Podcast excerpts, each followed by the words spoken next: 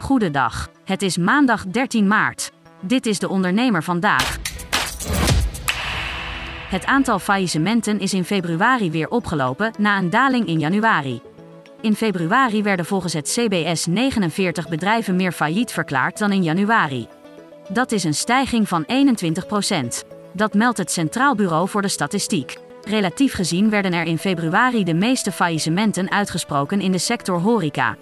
Het aantal faillissementen bleef ondanks de toename laag vergeleken met de periode voor het uitbreken van corona.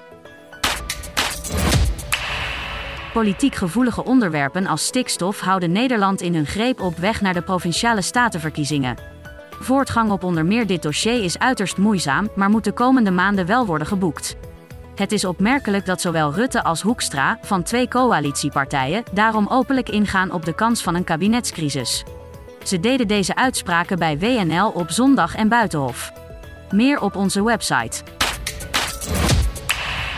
De boer-burgerbeweging stevend af op megawinst bij de provinciale statenverkiezingen. In vijf provincies wordt nieuwkomer BBB overduidelijk als grootste partij gepeild. Ook elders doet de partij van Caroline van der Plas mee om de winst. Meer over de verkiezingen van komende woensdag lees je onder meer in de liveblog op onze website. De Autoriteit Financiële Markten doet onderzoek naar onregelmatigheden in de handel van aandelen van gamesbedrijf Azeron. In verband hiermee treedt Attila Aytekin tijdelijk terug. Hij is een van de topmannen van het aan de Amsterdamse beurs genoteerde bedrijf. Bij voetbalfans is Azeron bekend als mede-eigenaar van de eredivisieclub Fortuna Sittard. Het bedrijf is ook de naamsponsor van de Nederlandse eredivisie voor het vrouwenvoetbal.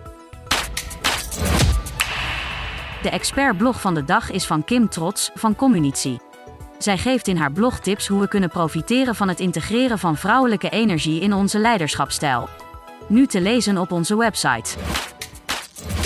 Tot zover de ondernemer vandaag. Wil je meer? Ga naar deondernemer.nl. Op wie stem jij bij de Provinciale Statenverkiezingen? Luister dinsdag 14 maart van 12 tot 6 naar De Ondernemer kiest.